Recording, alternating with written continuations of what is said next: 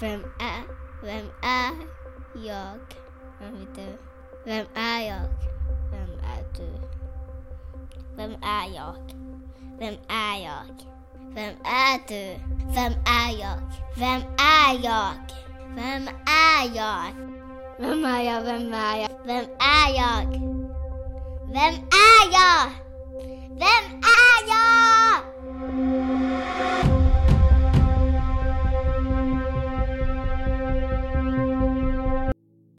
Välkommen till tredje avsnittet av Vem är jag? Podden där jag undersöker den större frågan om vad som definierar vem en människa är genom linsen av mitt eget sökande. I det här avsnittet träffar jag Roger som är en vän i tillfrisknande.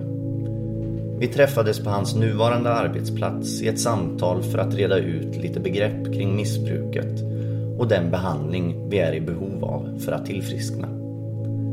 Vi samtalar också om rädslor, kriminalitet, människor vi skadat samt en gnutta missbruk. Ja då, då rullar vi. Eh, tänkte jag skulle försöka beskriva den relation som vi har först. Eh, och det är väl genom tillfrisknande skulle jag vilja säga. Det stämmer nog rätt bra det. Ja, Vi träffades på möte första gången. Ja. tror jag. Eh, och eh, så har vi sett mm, på möten och så här nere på den här lokalen. Eh, och så tänkte jag att fan, jag och Roger vi har bra, bra samtal ihop om andlighet och, och våra varsina resor i missbruket. Så därför bad jag dig att vara med i, i podden här. Jag är väldigt glad över att du, du ställde upp. Tack för att få vara med. Ja. Intressant. Kul. Vi tar en snabb recap av din historia bara. Så Okej. att eh, vi kan... Ytligt, så ytligt eller djupt du vill, men bara för att förklara vem jag pratar eh, med. Från, från, från början till, till idag. Ja, ungefär. Ja, men, eh, Ja, ehm, vem är du? helt ja, jag är ju en bit över 50 år då, så att jag har ju hunnit med. Jag har väl missbrukat i över 40 år. Eh, Det är ganska lång tid och så. Jag är uppväxt, jag är enda barnet i, i en familj där det förekom mycket dysfunktionalitet. Det förekom missbruk, det förekom piller, det förekom eh, ja, psykiska problem. Mm. Eh, ja, eh, uppväxt i en eh, stad i Mellansverige. Eh, där det var väldigt mycket missbruk, det var väldigt mycket utanförskap. Eh, hittade snabbt kompisar som, som, eh, som var som mig och eh, Väldigt mycket alkohol var det förstås, väldigt mycket våld var det. Mm, eh, Även mycket idrott eh, och så. Eh, har gått ut gymnasiet, har eh, en fin gymnasieutbildning. Har jobbat både med, med, med det ena och det andra. Eh, Har dessutom en universitetsutbildning. Eh, haft fina jobb. Jag har jobbat som tekniker, jag har jobbat med människor. Eh, jobbat som säljare. Eh, har tre barn. Eh, underbara barn som klarar sig bra i livet idag, trots mig. Jag har ju hela tiden trott att eh, mitt liv har inte påverkat dem, men, det, det förstår jag ju idag att det har väldigt, väldigt mycket. Jag har en min son till exempel som, som har fått ringt runt till olika polisstationer och frågat om jag lever eller ej.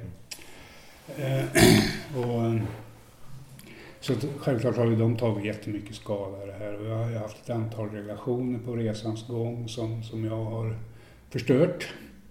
Eh, en del fina relationer men oftast har det ju varit väldigt konstiga relationer som jag har inlett mig i. Då. Eh, och har hela tiden då eh, missbrukat. Eh, främst alkohol ska jag väl säga, men, men även ganska mycket droger. Eh, drogerna har väl funnits med sedan jag var ja, 19 år ungefär. Även om jag kanske har provat att röka hasch tidigare. Sådär. Men, men eh, ganska liten omfattning eh, fram till ja,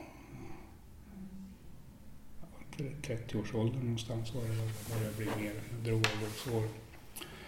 Eh, men det har jag hållit väldigt, väldigt hemligt för, för alla i stort sett. Eh, det är väl först nu de sista åren som, som tror mina barn har förstått, eller jag har berättat att jag har använt droger och så. Mm. Eh, det är väl lite kort om mig. Ja, jag, mm. Som jag sa tidigare här så har jag då försökt att, att fly från mig själv genom att hitta nya jobb, hitta nya utbildningar, flytta någonstans, hitta nya relationer. Mm. Eh, och alkohol och droger då förstås. Mm. Och, som eh, bottnar säkert i någon form av rädsla att hantera min egen ångest och, och mig själv och mina känslor helt enkelt. Mm. Plus ansvarslöshet förstås. Det är också en jättebidragande orsak. Ja. Jag tänker från, från utbildningar och, och jobb och, och familj och, mm. och, hus och allt det där så eh, de sista åren så Ja, de sista åren har jag ju i princip då varit hemlös och, och ja, ja. mer eller mindre levt på gatan skulle man kunna säga. Det har jag väl inte gjort. Jag har väl oftast haft någonstans att sova och så här. Men trots allt inget, inte haft någon fast plats i tillvaron. Och det har varit fruktansvärt jobbigt. Mm. Mm. Men idag sitter du här? Idag sitter jag här och, och jag har fått hjälp genom att kliva in i en behandling. Idag har jag en, en lägenhet. Jag har varit nykter och drogfri i snart ett och ett halvt år. Grattis! Tack! Och eh, känner väl att, att, att jag är på rätt väg, även om jag självklart långt kvar. Så är det. Det är ju ingenting som, som liksom ger sig över en natt. Jag har idag också eh, en ny relation med, med en underbar kvinna. Och, men som också ställer till saker och ting i mitt huvud. Man får ju liksom och helt plötsligt ytterligare en person att ta hänsyn till och så. Och, ja, det funkar bra och jag mår jättebra i den relationen och hon är helt suverän. Så. Jag har skrivit upp en liten lista här. Jag tänkte för att den här podden riktar sig ju delvis till, till missbrukare eller före detta missbrukare mm. men också eh, nära anhöriga och vänner. Mm. Eh, och det finns en del begrepp eh, som vi behöver reda ut kanske, mm. tänker jag. Mm. Till exempel först och främst då tillfrisknande. Mm. Vad menar vi med det? Tillfrisknande? Ja, eftersom eh, både du och jag har varit i beroendesjukdomen och är väl fortfarande skulle jag vilja säga. För det är väl ingenting som man blir kvitt med. Det är ju en kronisk sjukdom och så. Men för, för mig så har det handlat om att, att jag har ju flytt från mig själv. Det har jag förstått nu, kanske på senare år. Va? Eh, flytt från mig själv, inte vågat ta tag i mina känslor, slippa ansvar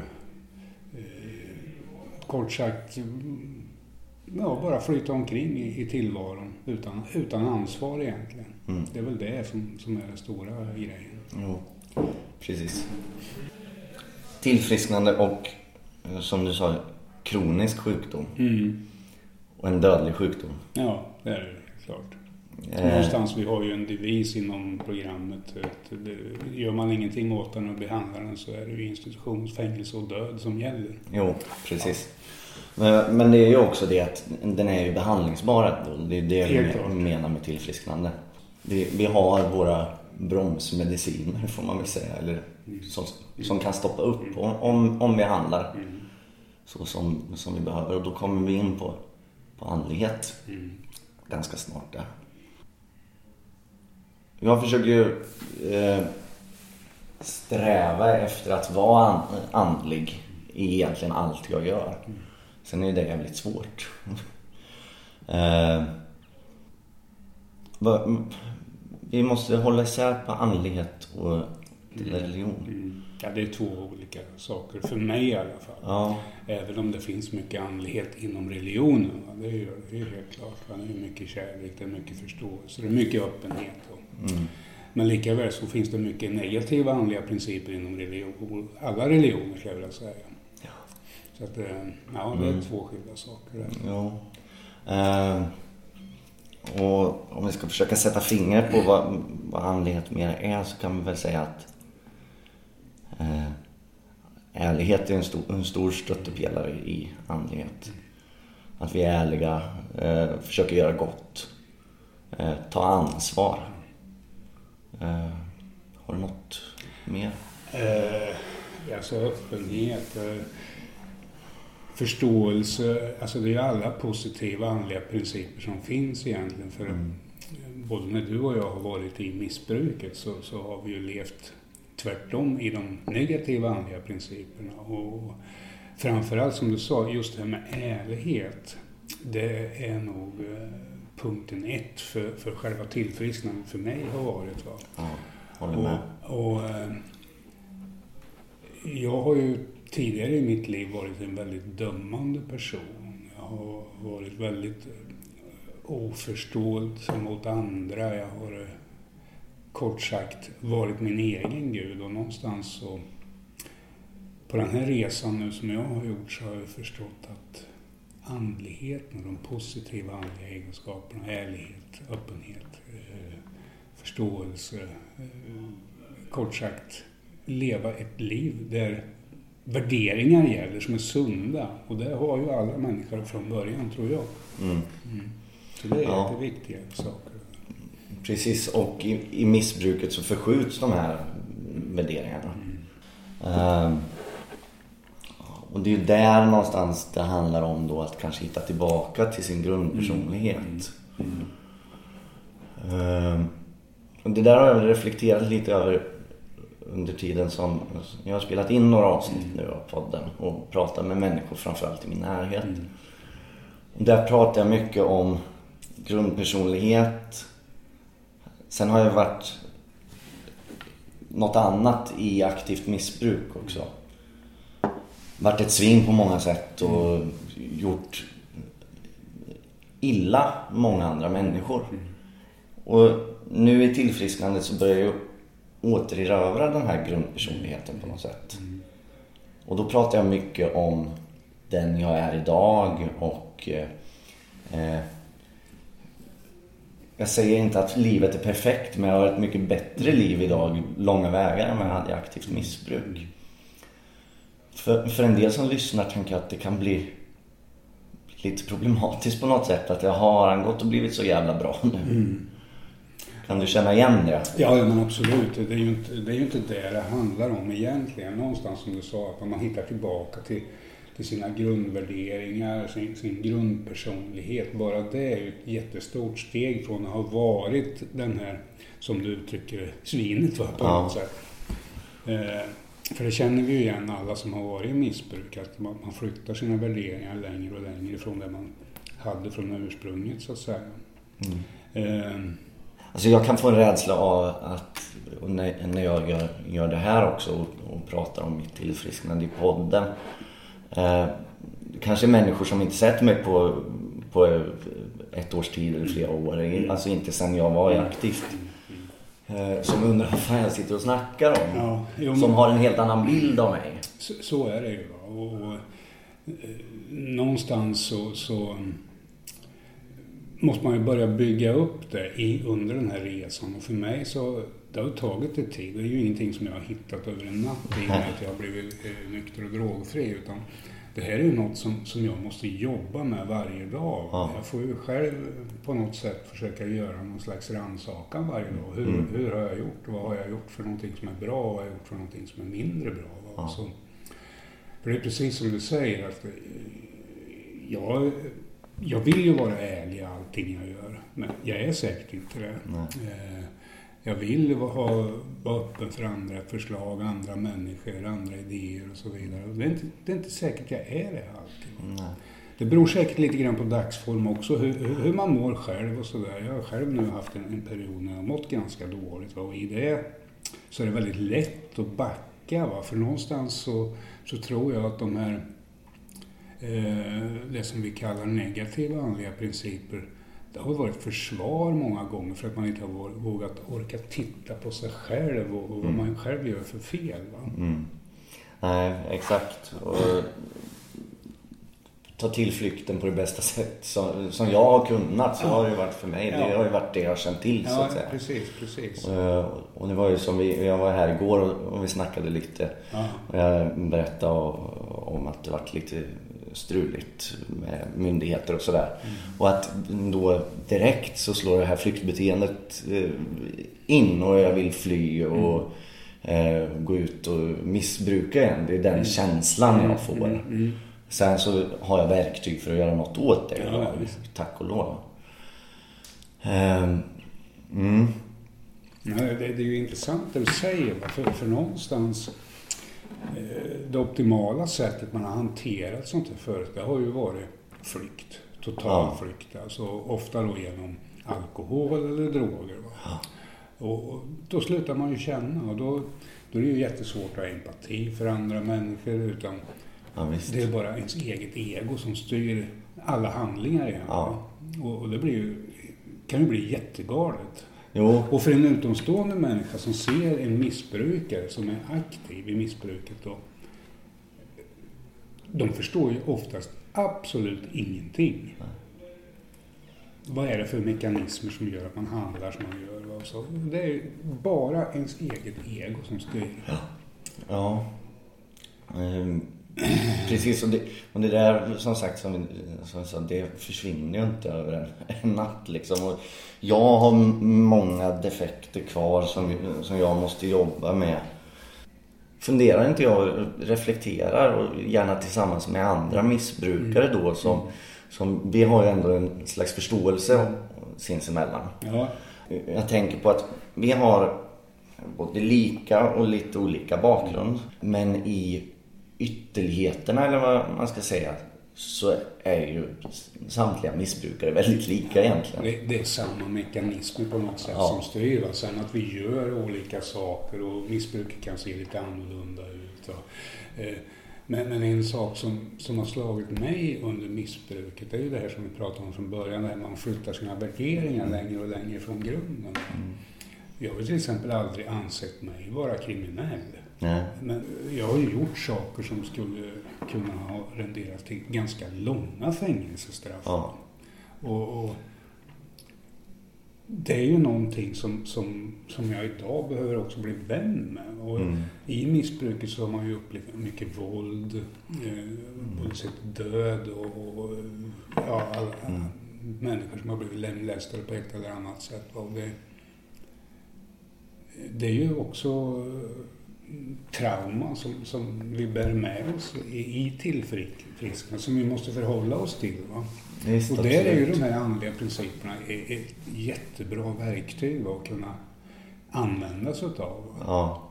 ja men definitivt. Och det, det, är- det där känner jag igen mig totalt i. Och jag har inte heller an, ansett mig kriminell. Sen, sen när jag genom behandling och sådär har, har funderat på vad jag har gjort och, och så. Det, kanske ett fåtal ytterligheter som när jag var 18 bast och körde rattfull till exempel. Då, det är ett solklart, det är klart att det är en kriminell handling. Men sen har inte jag identifierat mig som kriminell på, eh, på så sätt. Nej. Vilket jag gör idag då. Mitt syfte med den här podcasten, eller det här samtalet i synnerhet, är inte att vältra mig i elände och fördärv. Men det är ändå viktigt att jag är ärlig med att jag har utfört kriminella handlingar i mitt aktiva missbruk. Stora som små. De kommer i princip som ett brev på posten. Vad dessa handlingar i sina ytterligheter handlar om är ingalunda min rättighet eller skyldighet att berätta öppet om. Jag har idag inga problem med att erkänna alla mina fel och brister för mig själv och mina medmänniskor. Men det är inte heller min sak att bestämma över vad i andras liv som ska delges. Jag frånsäger mig inte heller ansvar för de handlingar jag utfört i mitt missbruk. Det var jag, ingen annan. Om än en annan del av mitt jag. Men fortfarande jag. Jag står ensam i detta. Men med en styrka i en vilja att för en gångs skull göra det rätta. Och det stavas ansvar.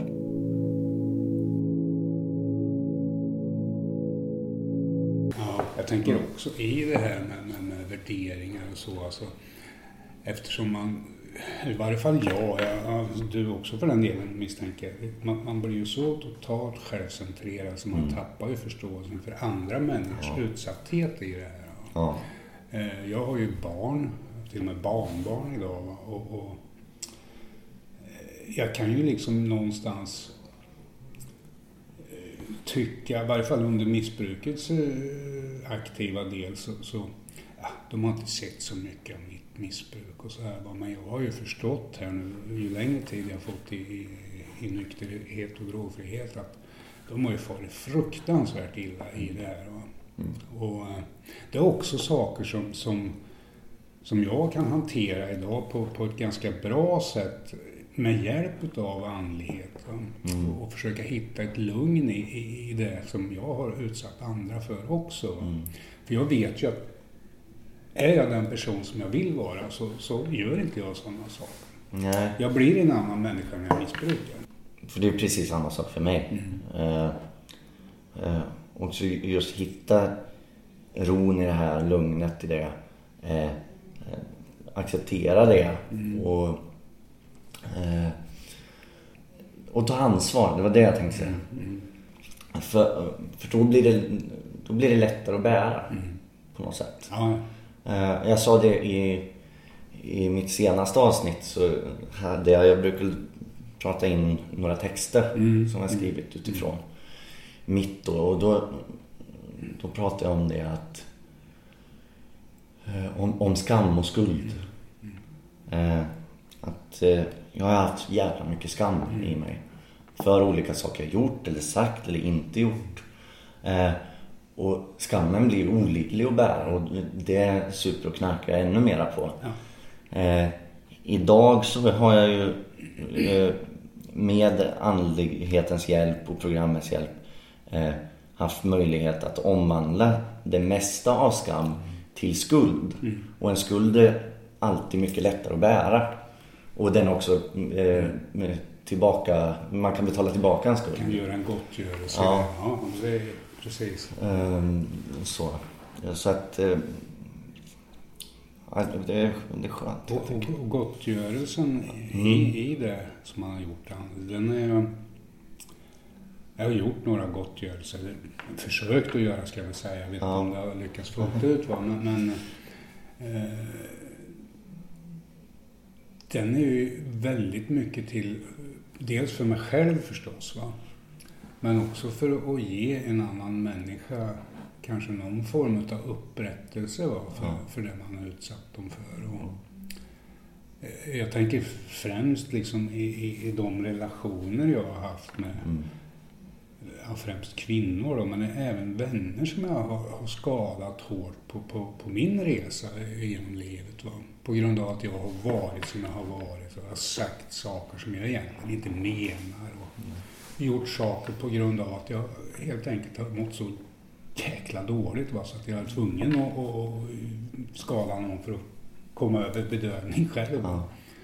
Och, ehm, det, det är svåra bitar det där. Alltså, det är helt klart. Alltså. Men, men även där så hjälper ju då andligheten till. Va? Är- Är jag ärlig i det här och gör det liksom utan uppsåt Mm. Så funkar. Va? Ja. På något sätt så, så, så blir jag en helare människa när, när jag kan göra en gottgörelse som liksom Ja. sjunker in. Som sjunker in ja. För en gottgörelse handlar ju om att, att jag tar ansvar för de handlingar som jag har utsatt Ja, en annan människa precis, för. precis. Och ber om ursäkt för det.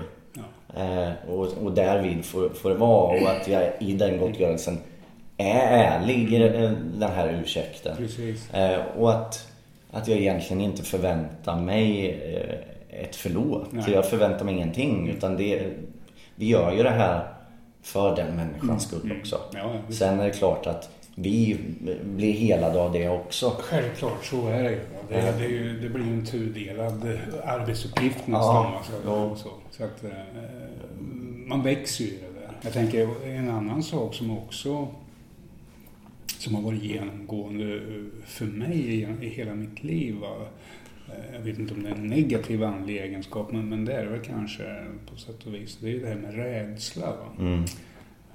vara rädd för, för att misslyckas, vara rädd för, för allt i stort sett. Va? Och, och det är ju också någonting som, som, som jag med hjälp utav eh, andlighet, och när jag tänker andlighet då, då är det, det är meditation, till och med bön i det här fallet, va? hjälper mig Mm. Mm. att hantera just de där sakerna. Jag ber ju varje morgon och varje kväll. Mm. Eh, Det gör jag. För jag. jag- Jag ber om att få en nykter och drogfri dag på Mm. morgonen Mm. oavsett vad som händer. Mm. Och sen så Mm. tackar jag på kvällen. Mm. För att jag har fått förhoppningsvis då en nykter och drogfri dag. Mm. Sen, som igår så lyssnade jag faktiskt då, då, musik är väldigt, alltså all, nästan alla former av musik är väldigt meditativt för mig. Mm. Mm. Kanske inte värsta dunka-dunk. Nej. Men jag, det, jag älskar ju psalmer och det är något, det är något som alltid har hängt med men som, som kommit tillbaka lite nu också. Igår hittade jag en spellista med instrumentala psalmer då. Det är mm, väldigt trevligt. Ja, ja. Det är en fin musikform tycker jag. Mm, jag, jag har upptäckt, alltså jag, jag går ju regelbundet till kyrkan. Så jag brukar gå, åtminstone försöka gå en gång i veckan. Så? Mm. Inte alltid det blir, men, men oftast en gång i veckan. Och ofta så är det ju lite körsång med. Och det har jag upptäckt att det, det är riktigt häftigt att lyssna på. Ja. Så här, va? Det ger mig mycket. Ja, verkligen. Mm. Så det, det finns ju många ingångar i, i det här till andlighet. Va? Och meditation, det är något jag, jag går på kyrkans meditation en gång i veckan. Sen mediterar jag själv också varannan dag ungefär. Eh, Oftast på morgonen. Sen har jag en meditationsstund i och med att jag springer ganska mycket, tränar. Ja. Det blir mycket, väldigt mycket meditation för mig. Just det, det är klart. Mm. Ja, det rensar ju huvudet. Ja, verkligen, verkligen. Jag tycker det är så tråkigt att springa. Alltså jag... Eh, eh, det för mig är den absolut optimala Ja. motionsformen. Förstår Dels det. så får jag meditation och så går jag ner i vikt. Ja, jo, det är klart. Dubbelt. Ja. Eh, bara bara en tanke som slår mig här. Vi, vi är två, två kriminella missbrukare då. Om vi sitter och, och pratar om andlighet och bön och, och Gud. Mm. Är inte det lite klyschigt? Eh, jag skulle vilja säga så här. Ja, det blir klyschigt om vi skulle vara aktiva idag. Men jag tror att, att eh, tror vägen till ett tillfrisknande är ju någon form av andlighet, någon andlig utveckling. Sen om det handlar om religion eller om det handlar om de här principerna som vi pratar om, det tror jag är strunt samma. Mm. Men, men att man någonstans i sig själv hela tiden, även i det aktiva, har sökt någonting. Man har sökt ett lugn, man har sökt eh, sinnesro som vi pratar om i, programmet. Då, va? Och eh, det är ju länge sedan jag i alla fall kände sinnesro med hjälp av alkohol och droger. Mm, Det har jag nog kanske aldrig gjort.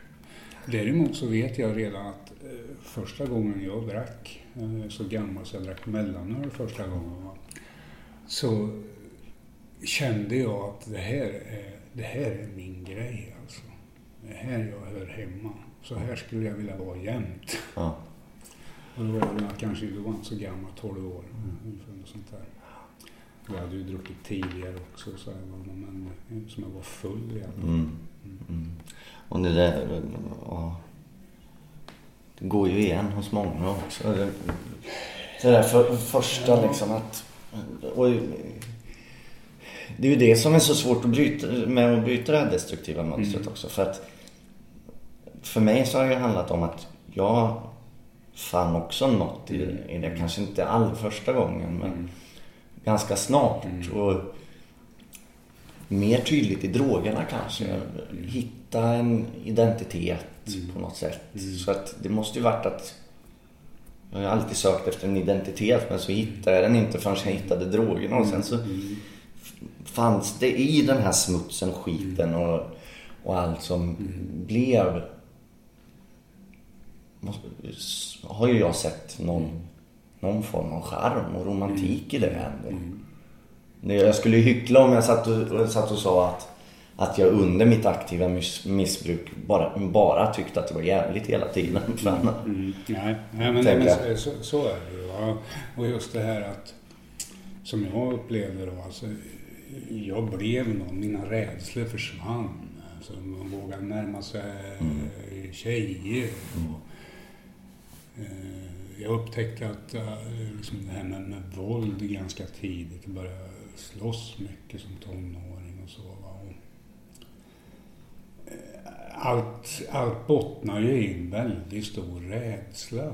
Som, det är nog någonstans där som jag har med mig kanske ifrån från min barndom. Saker som har hänt där och sådär som eh, varit jävligt jobbiga helt enkelt. Va? Som jag gjorde. Alltså jag var mörkrädd till, tills jag eh, var vuxen. ja, Alltså. fy fan, det är jag fortfarande. Eh, Jag hade väldigt mycket panikångest när jag var tonåring och så. va, Och har väl till viss del fortfarande idag, men kan hantera det idag. Och Jag vet att jag inte kommer att dö. Jag känner igen signalerna och kan eh, liksom stoppa dem på något sätt. va. Men, men eh, eh, återigen så handlar det ju om att, att fly från sina egna känslor och, och slippa ansvaret Ja. på något sätt. va. Det, är väl- det, jag tror det bottnar mycket i det där. Va. Ja. Jag fastnar för mörkrädslan. För Jag kan vara mörkrädd fortfarande fast än- ändå inte liksom för att jag kan tänka det handlar nog om och det låter ju helt det låter ju helt sjukt en, en likgiltighet för mig inför döden på något sätt. Att, Ja. att det är därför Därför så jag är så likgiltig inför att dö. Så att, så att jag är inte rädd för mörker till exempel. Eller jag slutar ganska snart att vara rädd för att gå förbi gäng med, med killar och sådär. Och Det, det är ganska vanskligt. Man kan bli rånad och nedslagen. Ja, ja, absolut. absolut. Så, och också har jag ju försatt mig i diverse situationer. Inte bara genom att, att jag då långsamt har försökt ta livet av mig genom att knarka och supa. Så jag har ändå eh, försatt mig i direkta livshotande situationer som det blir helt... Ja, Men, s- tappa en respekt för livet. Ja, precis. Och det, det handlar väl kanske också det här om med att man har ett sånt stort självförakt också Ja. i det här. Så att spelar ingen roll vad som händer. Det, det, bara det går fort ungefär. Va? Ja, precis. Eh, lite grann åt det hållet. Va? Nej, Ja. Men jag tänker också på det här med mör- mörkrädd, mörkrädd. Eller, jag vet, min första lägenhet jag hade, jag vågade inte vara själv i den. Nej. Jag var så mörkrädd alltså. Jag, fick för, och jag, jag kände liksom ondska nästan i rummet. Ja. Så här. Ja. Mm. Ja, det, det, det finns ju många bottnar i det här. Men, men någonstans, det, det mitt tillfrisknande har gett mig och eftersom vi liksom är tolvstegare både du och jag, va, så, så just det här med med den andliga utvecklingen, det är, det är liksom det någonstans som sätter fingret på tillfrisknandet. att, att, att man kliver in, man tar ansvar. Man behöver inte vara rädd för allting. Man är ärlig och framförallt vara ärlig mot sig själv. Men det är som någonstans som du sa i början, det är ju jättesvårt att vara där hela tiden. Ja. Eh, jag är inte ärlig i allting. Absolut inte och kommer kanske aldrig att bli. Men jag vill vara det. Mm. Och är man, har man villigheten, det är ju också en god andlig princip. Så, Mm. Så kan man ju göra någonting åt det. Mm. Eh, det är ju ingen som vill vara... Min dröm när jag var liten var inte att bli eh, missbrukande kriminell. Vill du bli polis kanske? Nej, jag, eh, jag hade en dröm om att bli pilot. Ja, ja. Mm. ja. Så. Häftigt. Jag hade en, en, en klasskompis som vi umgicks lite grann. Vi gick i trean, fyran något sånt där. Och vi hängde mycket på, på flygfältet där, där vi bodde då. Och Ja. han, eh, han blev stridspilot sen. Okej. Mm. Ja. Så han har flugit Viggen. Coolt. Ja, Ja. jag ju- kom inte så långt. Det är ju det är också sådär... Titt- Jag tittar också på, kan jag göra på... Det har jag känt en, känt en sorg i mitt aktiva kanske en del att ja, men det var folk i min närhet som gick åt det där hållet och de fick familj och hus och bra jobb och så och jag hamnade här i skiten liksom. Det, det är också en sak som jag då inte alls kunde hantera och kunde bli bitter över och, eh, och missbruka på det. Liksom. Idag så kan jag hantera det på ett helt annat sätt. Eh, Jag, jag, jag har ju haft allt det där. Jag har ju Ja. liksom haft familj, jag har haft hus, jag har haft bra jobb, jag har tjänat bra med pengar. Och, men men eh, någonstans så... Eh, jag har liksom aldrig kunnat stanna kvar i den känslan på något sätt. Utan eh, om det beror på att jag inte vågat att känna på mina egna rädslor så har jag hela tiden försökt söka vidare till någonting annat som det, ja, typ det grönare på andra sidan. va, och- och precis. sånt. Exakt. Och, och eh, det kan jag känna sorg över idag, att jag liksom har försatt så många chanser. Alltså, Ja. som, eh, jag, liksom inte, jag har inte ens eh, velat ta dem så att Nej. säga. Jag har inte varit värd dem på något sätt. Nej, nej. Mm. Jag känner igen. Det, och och det, det kan jag känna sorg över. Liksom jag, trots allt jag har fina utbildningar och sitter idag där jag sitter. Ja. Mina sista år så, som missbrukare var dessutom hemlös. Och, och, Mm. det är klart att eh, det är ju ändå någonting som man måste bli vän med. Och man kan bli vän med det genom att, att liksom utöva det här med andliga principer. Och liksom försöka bli vän med sin egen historia. Mm.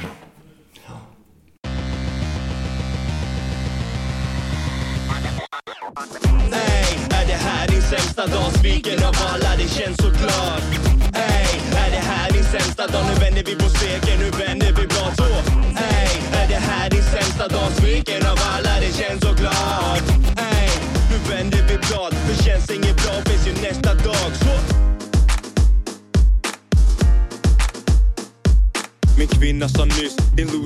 lämna dig Jag skalla hennes nya och nu vill hon stämma mig. Säg kan du tänka dig, hon vill inte ändra sig. Ens när jag visar dicken baby vill du känna mig? Sms-låna, snorta lite cola. Fram med en jäger, smutsa ner själen. Redo för att supa ihjäl mig För som Abidaz är jag benägen. Bruden har gjort slut och krossat mitt hjärta. Så jag dricker sprit, hon softar med lättja. Folk säger chilla, jag säger den som sa det var det. Lägger ofta den galna raden i baren. Postar det på FB, ingen trycker gilla. Hinner inte alls gå när jag måste pussa. Så jag tänker lägga, men hela tiden dissad Men byter bara värd, yeah, så jag börjar twittra. Ey, är det här din sämsta dag? Sviken av alla, det känns så klart Ey, är det här din sämsta dag? Nu vänder vi på steken, nu vänder vi blad så Ey, är det här din sämsta dag? Sviken av alla, det känns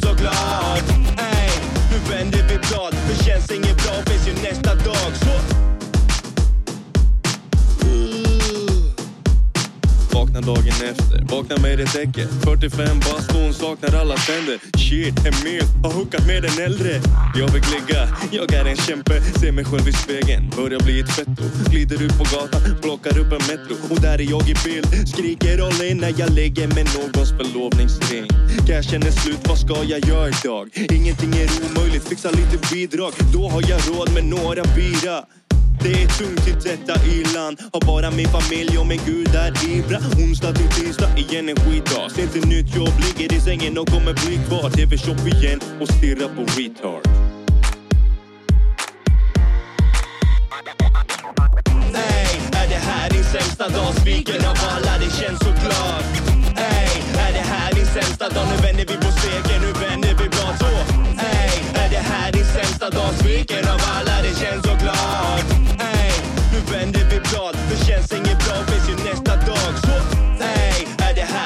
sämsta dag? Sviken av alla, det känns så klart Ey, är det här din sämsta dag? Nu vänder vi på steken, nu vänder vi blad så Ey, är det här din sämsta dag? Sviken av alla, det känns så klart Ey, nu vänder vi blad Det känns inget bra, finns ju nästa dag Så, ey, är det här din sämsta dag? Sviken av alla, det känns så klart Ey, är det här din sämsta dag? Nu vänder vi på steken, nu vänder vi blad så vi pratar ju om en dag i taget, att vi inte kan lova eh, för all framtid och det är väldigt viktigt för mig. Eh, just det här. Sen, sen tänker jag något jag känt och som människor utifrån kanske kan få upplevelsen genom vårt samtal och eh, eh, samtalen som jag haft med andra också. Det här med offer, förövare. Eh, jag själv har ju varit förövare på många sätt genom att göra människor illa. Samtidigt så pratar jag om det här och på något sätt så vill jag se mig själv som ett offer också. Men där finns det risk att jag trillar in i väldigt lätt i, ett, i det här gamla missbrukarbeteendet också. För, för åtminstone jag som missbrukare har ju varit expert på att göra mig själv till ett offer. Att det är så jävla synd om mig hela tiden. Eh, och det är alltid någon annans fel att jag dricker eller knarkar. Eh, hur ser du på det? Har du- Ja, men det är som du säger, alltså, som aktiv så, så är det ju inte, det är ju alla andras fel. Eller får jag bara det så, så fixar jag det här. Va? Ehm, så enkelt är det ju inte förstås. Men, men, men idag så, det är klart att eh, det finns ju alltid en orsak till att man är som man är. Och, någonstans tänker jag att man kan ju hitta det i barndomen och så. Men för den skull så, så det är ju hela tiden jag som måste ta ansvar för mina handlingar och det Mm. jag har gjort och så. Så att jag kan ju aldrig skylla på någon annan. Nej. Sen att det kan finnas orsaker till varför det har blivit som det har gjort. Va? Det, men det är en annan sak. va. Absolut, absolut. Med om. Eh, Självklart så, så, så har ju jag totalt ansvar för mina handlingar. Oavsett om jag har petat i mig eh, tre liter brännvin eller eh, Så är det droger definitivt. eller vad som helst. va. Absolut, jag, jag håller med dig där. Eh, samtidigt som då, och det är väl det jag vill komma åt, att, eh, och som du säger också, eh, att jag har blivit som jag har blivit eh, kan ju vara på grund av bristande ansvar hos andra människor. Ja. Till exempel vilka det nu än kan vara. Sen så gör inte det det mera rätt för mig att vara ansvarslös Nej, i sin tur mot andra. det blir liksom bara ett rättfärdigande då. Ja, jag gör så bara därför att. ja precis. Då fritar man sig själv från ansvar. va. Det, det går ju inte. Nej, så därför är det väldigt viktigt att, att man gör som vi gör, Ja. gör och tar ansvar. Ja. Ja, nej men jag har nog inte så mycket mer att säga egentligen. Eh, tack för din ärlighet och öppenhet. Eh, tycker att vi har haft ett bra samtal och jag hoppas att hela missbruksproblematiken och eh, andlighet och sådant jag pratar om och vi har pratat om har blivit lite tydligare för, för utomstående så att säga. Eh, Så tack så jättemycket för att du var med. Tack själv, det var kul. Mm. Jätteintressant. Det är viktiga frågor och det behöver lyftas upp mer. Ja, bra. Tack. Tack! Tack för att du lyssnat på tredje avsnittet av Vem är jag? Där jag hoppas att jag tillsammans med min vän Roger har kunnat reda ut lite av de olika och ibland svåra begreppen kring missbruk och tillfrisknande. Låten i avsnittet var från Jonas album Dopad av vilja och heter Lyxproblem. På återhörande och ta hand om varandra.